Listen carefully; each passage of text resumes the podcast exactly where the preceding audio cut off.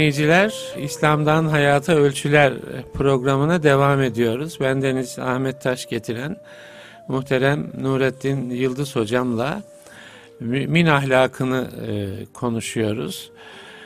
E, şimdi bu ikinci bölümde biraz daha müşahhas alanlara yönelelim diye şey yaptık hocam. Evet. Yani belki e, siz de demin ifade ettiniz. Yani aile hayatından bahsedecek miyiz diye.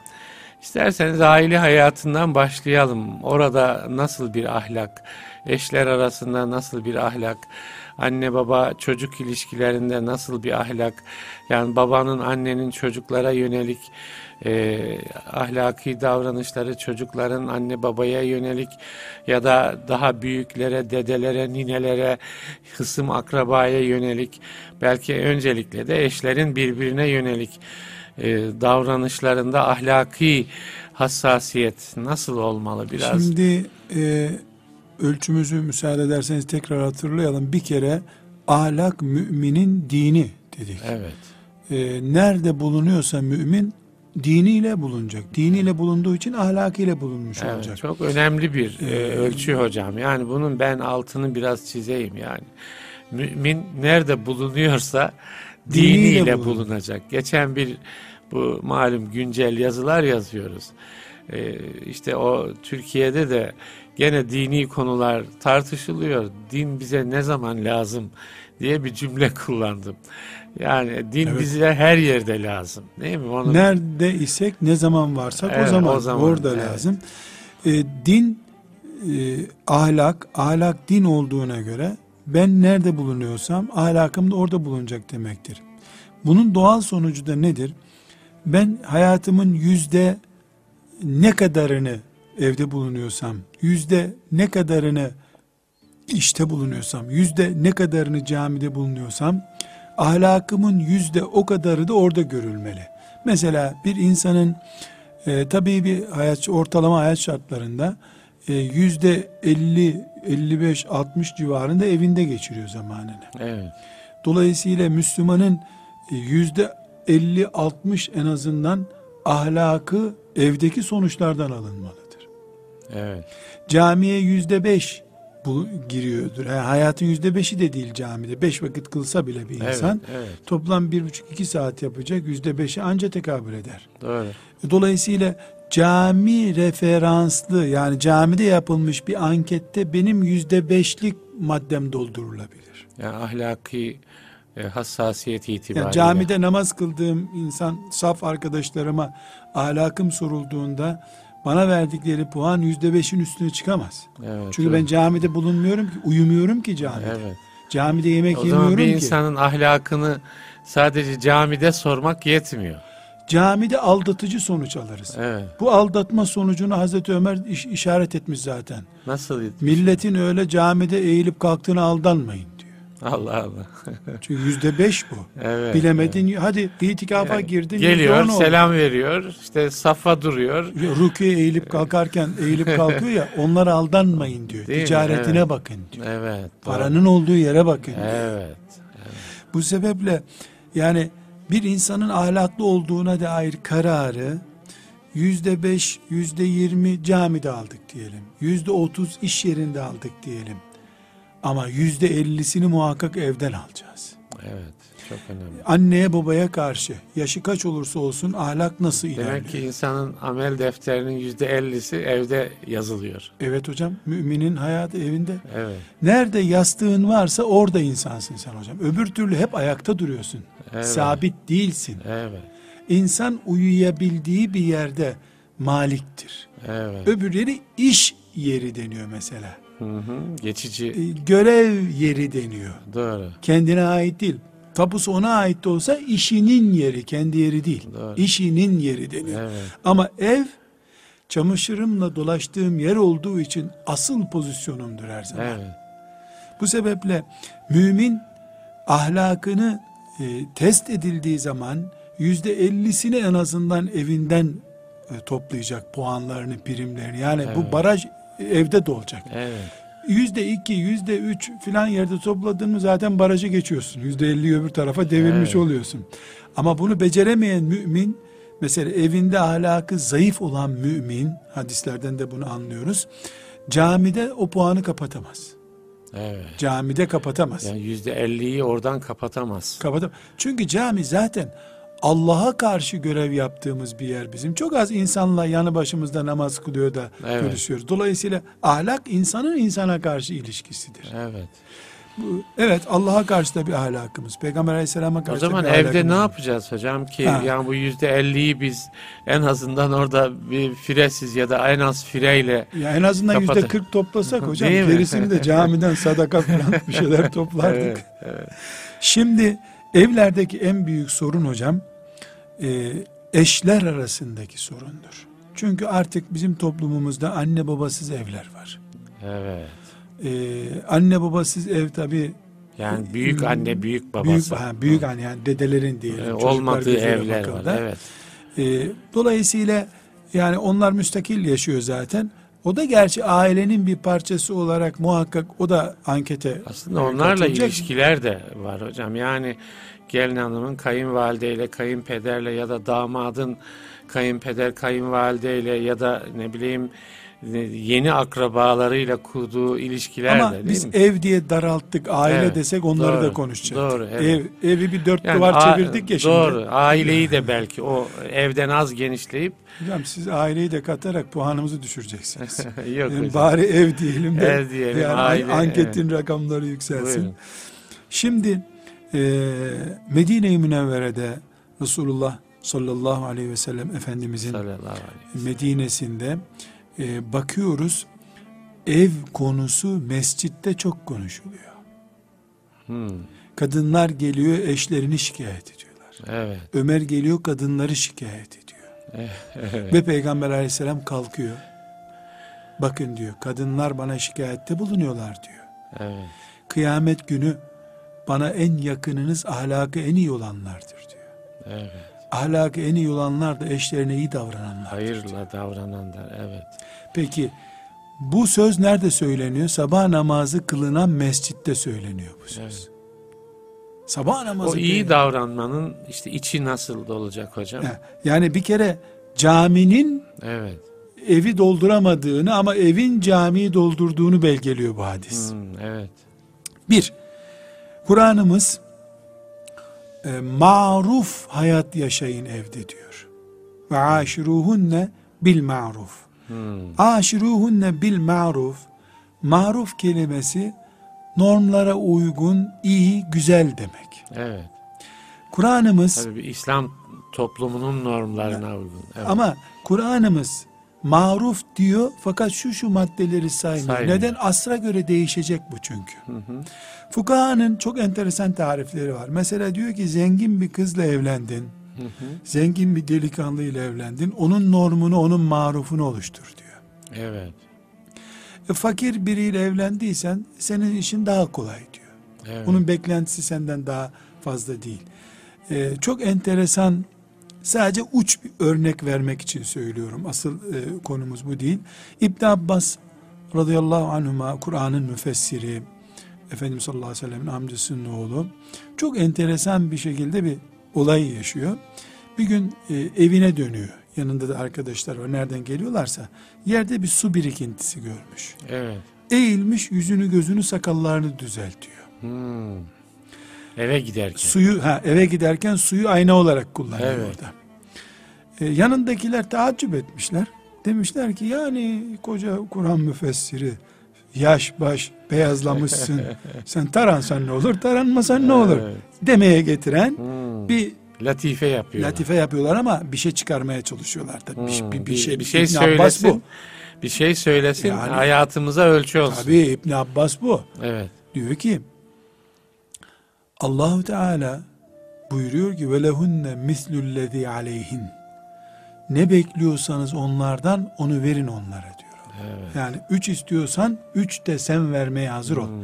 Ben eve Güzel gidiyorum. görmek istiyorsan. Ha, ben eve gidiyorum. Hanımımı güzel görmek istiyorum. Bakımlı görmek istiyorum. Ona o şekilde hazırlanmam gerekir diyor. Evet. Ahlak. Mümin ahlakı. Mümin ahlak. İşte mümin ahlakı. Muhteşem hocam.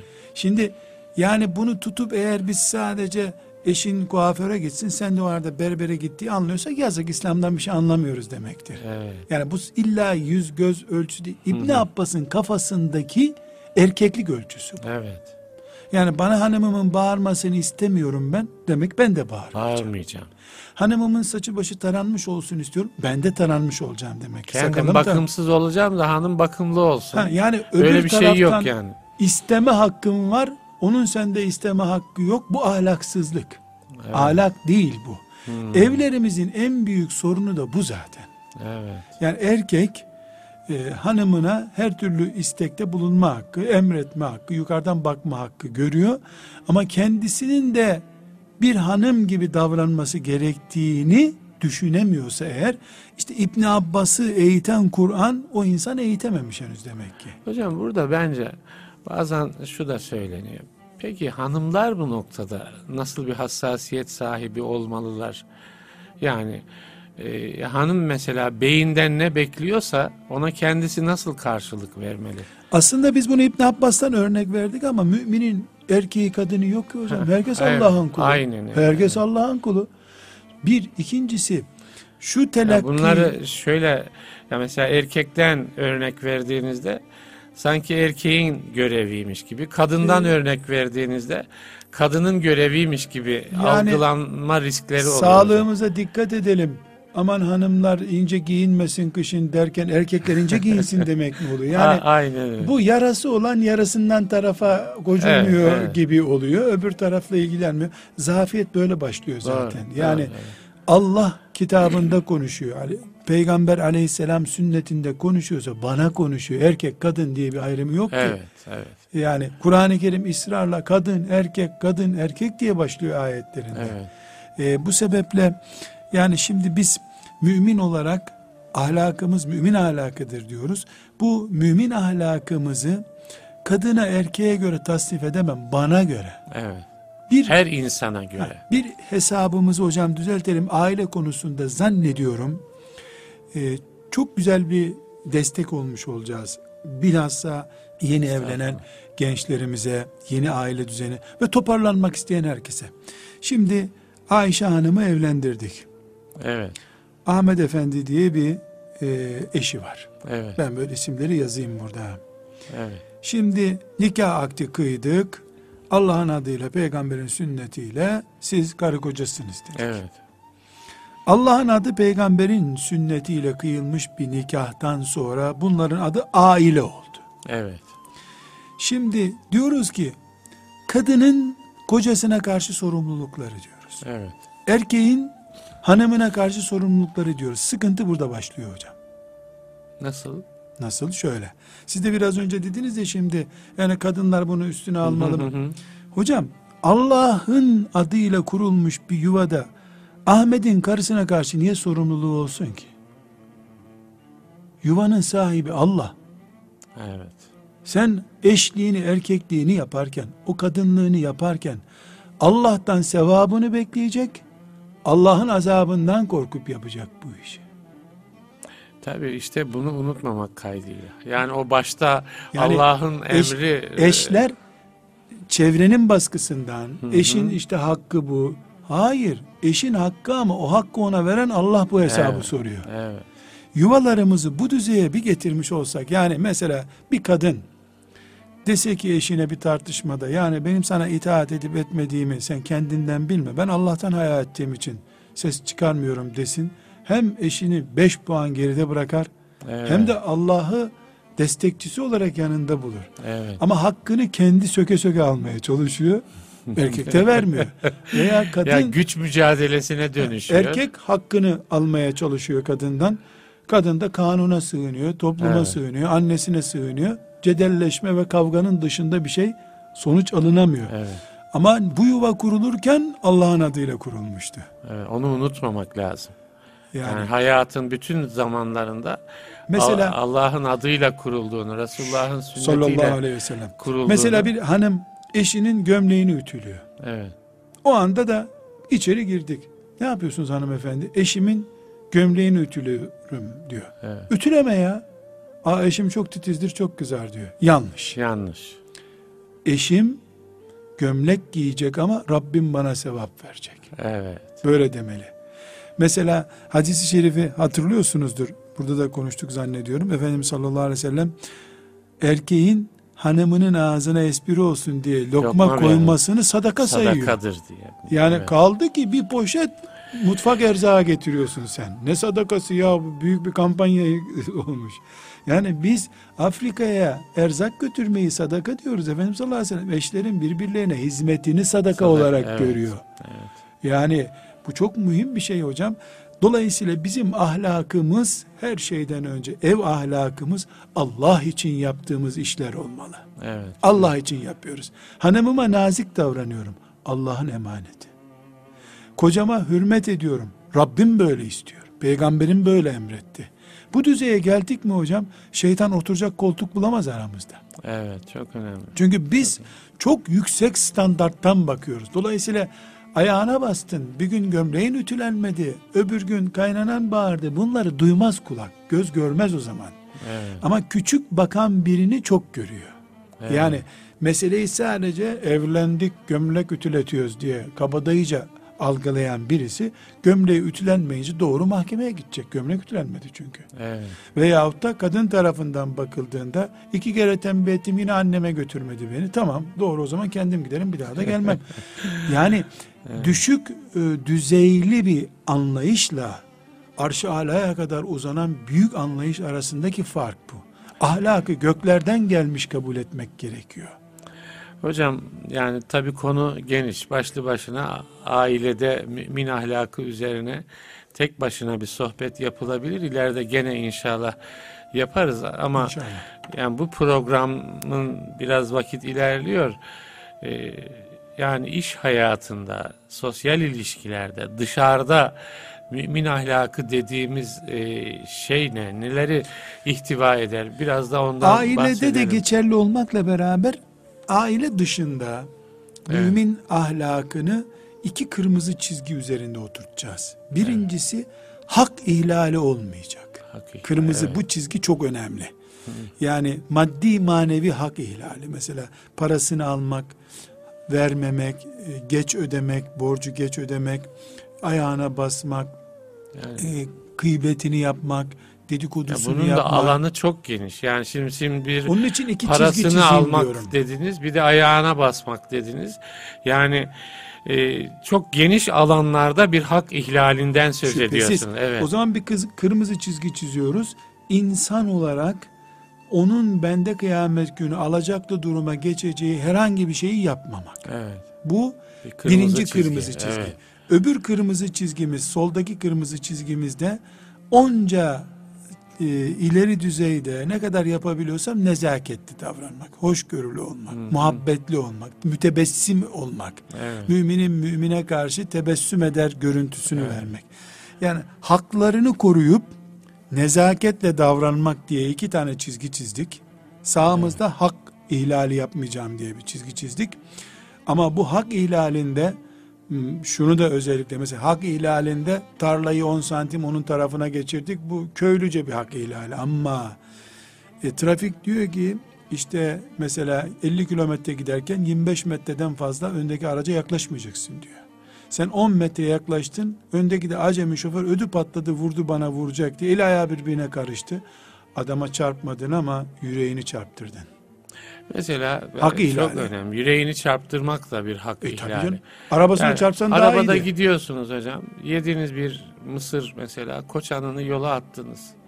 O kamu ihlali. Kamu hakkı o 74 milyonun sıkıntısı. O daha kötü hocam. O daha kötü. Evet. Hak Şimdi- ihlali. Ee, mesela çok enteresan hocam bir gün bir trafik kazasına şahit oldum. Ee, yolda mecbur biz de durduk.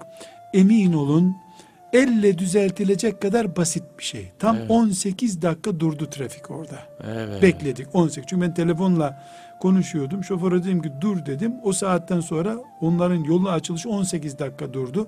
Arkamızda bir daha gözüm görmedi. Arabaların ucu nerede trafik Evet, durunca. evet. Otobandı. İndim. Aracı olalım dedik. Şimdi e, beni sakallı görünce çok enteresan bir örnek. Hı. E, dedi ki Hacı abi dedi. Bak sen hakem olduğu kul hakkıyla dedi kıyamete gidecek gel bunu öde diyorum dedi. Hmm. Ondan sonra dedim ki ben trafikte kim haklı anlayacak bir bilgi sahibi değilim. Hacı olabilirim ama böyle bir bilgim yok dedim. Fakat ben size başka bir haktan söz edeyim dedim. Şu ucunu görebiliyor musunuz bu konveyin dedim. Bakın Hmm. dedim ne kadar uzun. Bu insanlar sizin bu lüzumsuz tartışmanızın yüzünden bekliyorlar. Siz anlaştınız. Bunlarla nasıl anlaşacaksınız dedim. Mesela benimle dedim.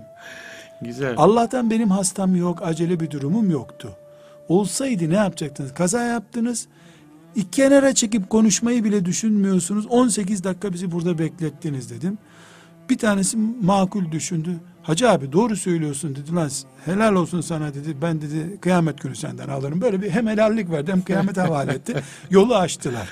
Şimdi bir trafikte üstadım helalleşiyorlar. Hadi helal et tamam tamam tutanak tuttuk. Arkada bekleyenler Evet. Arkada Evet, bekleyenler. Evet. Senin yüzünden ağlayan çocuklar arabada. Evet. Onun için bu sağdaki kırmızı çizgimiz var ya bizim. Yani en büyük ahlak kul hakkı nedeni olacak hata yapmamaktır. Evet. İkincisi de senden ferahat ederek nezaket göstermendir. Evet. Muhabbet etmendir. Müminin mümine tebessümü sadakadır, diyor Sadakadır. hadis-i şerif. Evet. Sadaka verir kapasitede olman lazım. Bu iki kırmızı çizginin arasında git gidebildiğin kadar ahlaklı müminsin. Evet. Bunlar evde de geçerli belki ama evde bunların 3, 4, 5. kırmızı çizgileri var. Yani ev daha büyük bir manyetik alan gibi böyle evin evin kapasitesi daha büyük. Mümin olarak biz iş yerinde mesela patron veya işçi olarak düşünüyoruz Evet. hakkı. Mesela Patron, işçi ya da işçilerin birbiriyle ilişkileri. Evet ona temas edeceğim. Evet. İşçinin birbirine hakkını hiç konuşmuyoruz ama. Evet. İşçinin de birbirine hakkı var. Mesela bir tanesinin yaptığı yanlış bir işe e, öbürü de ceza ödüyor. Yani bantı yavaşlatıyor. Yavaşlattığı için bant mesela 20 gömlek çıkaracaklardı 18 gömlek Evet. çıkıyor. Patron da iki gömleği keserim sizden bugün diyor. İki gömleği. Bir tanesi en başta cigara tutturduğu için gömlek e, yavaş çıktı ya da çay içmeye gitti gereksiz yere e, veya bir başka bir bahaneyle terk etti. İki gömleği patron onlardan kesti. Evet. Avanslarından kesti, bir şeysinden kesti. Bu kul hakkı. Biz zannediyoruz ki oradan bir gömlek çalıp giden sadece kul hakkı. Yani patrona karşı hep düşünüyoruz. Evet. İşçinin birbirine karşı zafiyeti oluyor. Mesela tezgahtar bir insan, mümin e, asla çalmıyor, çırpmıyor. Doğru. He, maaşı helal. Onu oraya niye bırakıyor insan? E, patronu ne demiş? Gelen müşteriye bu kumaşı tanıt demiş. Şu kumaşın da bunun farkı olduğunu bilgi vermiş. Adam geliyor. İşte sizde mevsimlik şu kumaştan var mı diyor. Şu var diyor. E, bakayım ona diyor. E, alacak mısın abi diyor. E bir inceleyeyim diyor. Ya indirtme bana onu oradan diyor. Adam 5 metre kumaş alacaksa da almıyor. Evet. Senin vazifen 20 tane topu da olsa indirip Evet. müşteriyi memnun etmek. Yahut da mesela bu Yani buzlu tezgahtar olarak e, Yani- görevini yapmamış oluyorsun. sadece oradan para çalıp çalmamak değil kul hakkı. Evet. Evet. Sen orada reklam unsurusun. Tanıtıcısın. Tanıtımını kabiliyetin kadar yapmayınca da bir kul hakkı ortaya çıkıyor. Bu da bir ahlaksızlık. Evet. Yani patronu gelince buyurun efendim demesi bir ahlak için yeterli ölçü değil. Evet. Yani o kadar incelikler var. Hocam son bir iki dakikamız var. Yani bir ahlak seferberliği e, yapmaktan söz edilebilir mi? Neler söylenebilir o konuda? Yani bir Müslüman toplumuz ama yani ahlaki zaaflar konusunda da problemlerimiz olduğunu biliyoruz. Nasıl bir e, yeni toplum inşası söz konusu olabilir? Böyle kısaca Hocam bu e, kağıt mendil kullanmakla ilgili bir şey değil bu. O e, en son ahlak konusu Evet, herhalde. evet. Bir, yalan. Evet. iki gıybet. Üç, dedikodu. Dört, maddi haklar. Evet. Bu dört şey kaldırıldı mı ahlak kendiliğinden kar kalkınca her yerin çiçek olduğu bahar gibi olacak. Evet. Yalan büyük bir engel. Yalan varken ahlak ortaya çıkmıyor. Büyük kısmı dille ilgili söylediklerinizin. Dille, bir- birbirimize dille yapabilir. Zaten kim Evet. kimseye yumruk atamıyor. Polis Evet. bekliyor yan köşede yani. Şimdi polisin Evet. koruduğu şeyler ahlaka e, bir şey yalana polis karışamıyor ama. Evet. Mahkeme Doğru. gıybete karışamıyor. Doğru. Yani en büyük mahkemeye intikal ediyor gıybet. Sorun orada zaten. Evet. E, bir de maddi haklara çok dördüncü madde olarak maddi haklara riayet ettiğimiz zaman evet başka e, ahlaki e, düzelmesi gereken zafiyetler de var ama her halükarda bunlar düzelince yalan, gıybet yani birbirimizi güvenli hale getirdiğimizde birbirimize karşı itimadımızı sağladığımızda otomatik olarak emri bil maruf yapacağız. Otomatik olarak hayrı teşvik edeceğiz. Otomatik olarak zaten birbirimize iyi örnek olacağız biz. Evet. Bunlar yalan kalkmadıkça, gıybet kalkmadıkça ve onun parasının bende olması veya onun benim arabamın gürültüsünden rahatsız olması benim için bir sıkıntı oluşturmadığı sürece ahlak yok demektir. Evet. Çok teşekkür ediyoruz Rica hocam. Allah razı olsun. Allah razı olsun. Değerli dinleyiciler, bir İslam'dan Hayata Ölçüler programının sonuna geldik. Muhterem Nurettin Yıldız hocamla birlikteydik. Bendeniz Ahmet Taş getiren yeni bir programda e, buluşmak dileğiyle hepinize hayırlı günler diliyoruz efendim. Sağlıcakla kalınız.